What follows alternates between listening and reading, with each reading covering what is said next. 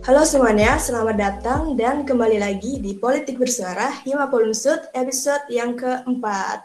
Nah guys, pada episode kali ini kita akan membahas mengenai kelas skripsi nih yang jilid kedua bersama aku sendiri, Mutiara Sarah Hapsari dari Prodi Ilmu Politik Unsud Angkatan 2020. Nah, kali ini kita kedatangan narasumber yang akan membahas kelas skripsi kali ini yakni Kak Rika Tri Nuryawati nih guys, alumni Ilmu Politik Fisik Unsud angkatan 2017. Halo Kak Rika, selamat malam dan selamat datang Kak di Politik Bersuara Hima Unsud. Halo semuanya, nah, selamat malam.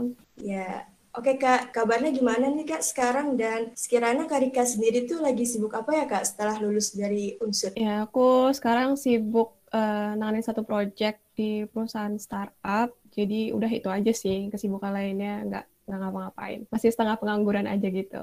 Ya, oke. Okay.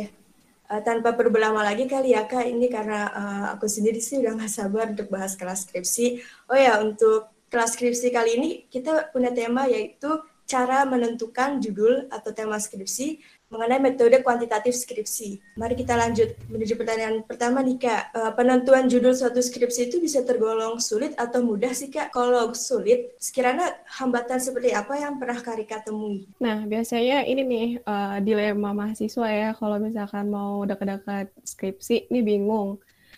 Saranku itu sebenarnya sulit atau mudahnya itu tergantung kita. Kita udah tahu belum sih sebenarnya topik yang kita suka itu apa gitu dari mana taunya ya dari banyak baca gitu. Nah kalau dari case aku sendiri sih aku nggak menemukan kesulitan pada saat akhir-akhir.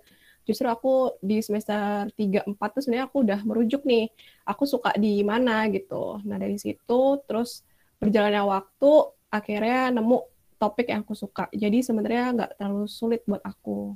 Kalau Karika sendiri tuh sekiranya pernah ganti judul nggak sih Kak? Itu karena misalkan judulnya kurang cocok atau pemilihan diksinya itu nggak sesuai atau nggak enak dibaca atau ada pertimbangan lain dari uh, ganti judul tersebut. Kalau sekiranya pernah itu bersampai berapa kali Kak? Aku ganti judul itu Hamin uh, pokoknya yang aku inget aku pernah ganti judul satu kali itu karena aku bingung pengen ganti variabel atau enggak gitu. Pilihannya A atau B gitu. Tapi dua-duanya itu semuanya aku suka gitu. Tapi aku akhirnya konsultasi sama dosen yang ngurusin tugas akhir. Terus kayaknya yang aku inget tuh 25 Agustus itu pengumuman nama nama yang langsung semprot. Terus aku tuh baru bikin proposalku yang baru dengan judul baru itu kira-kira Hamin 8 sebelum aku semprot. Gitu. Wah, nah selanjutnya nih Kak, pertimbangan apa yang sekiranya bisa buat Kak Rika yakin nih untuk akhirnya memilih judul serta topik skripsi yang kiranya udah di pikiran Kak Rika tuh, wah aku udah yakin pilih judul ini udah kayak fix banget gitu Kak. Boleh dong diceritain lagi Kak? Nah, uh, biasanya dilema di case aku ini adalah idealis atau realistis nih. Idealisnya pengen cari judul yang nggak pernah diteliti sama alumni politik unsut gitu. Nah itu aku apa ya yang kira-kira yang belum pernah diteliti gitu. Terus yang kedua mikir uh, aku udah nemu topik yang aku suka. Kira-kira aku bisa nggak sih uh, nyelesain ini gitu? Karena kan kalau kata dosen-dosen ilmu politik skripsi yang baik adalah skripsi yang diselesaikan gitu kan. Nah itu sih yang pertama kamu idealis dan apakah idealis kamu itu kalau bisa realistis dengan kemampuan kamu gitu. Dielaborate aja gitu. Wah kak, ini menarik sekali sih kak. Soalnya kan kayak banyak omongan gitu ya kalau skripsi itu harus idealis atau nggak realistis gitu. Oke kak, hmm. selanjutnya, selanjutnya nih uh, mengenai topik skripsi.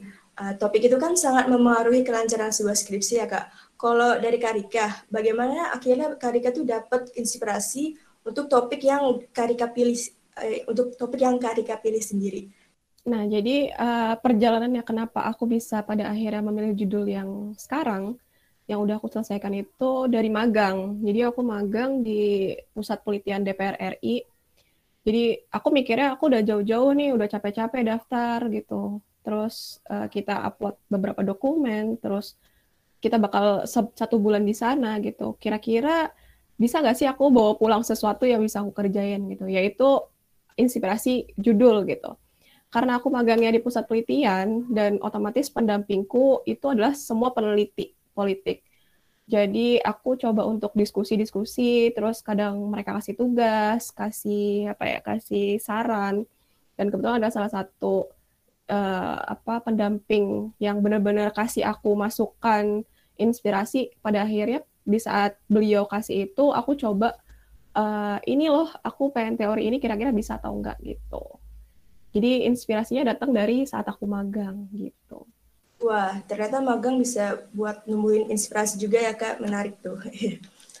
Pemikiran tentang topik skripsi yang Kak Rika pilih itu sekiranya udah Kak Rika pikirkan atau rencanakan sejak semester sebelumnya Kakak atau atau memang baru dapat saat udah ada jatah skripsi itu sendiri Kak? Jadi sebenarnya dulu banget aku tuh nggak mau sama sekali bahas-bahas tentang pemilu-pemilu gitu, kayak nggak menarik gitu. Terus makin lama makin lama terus uh, apalagi pas aku masuk di magang di DPR itu otomatis kan apa ya makanan tiap hari itu selalu politik dalam negeri politik dalam negeri gitu.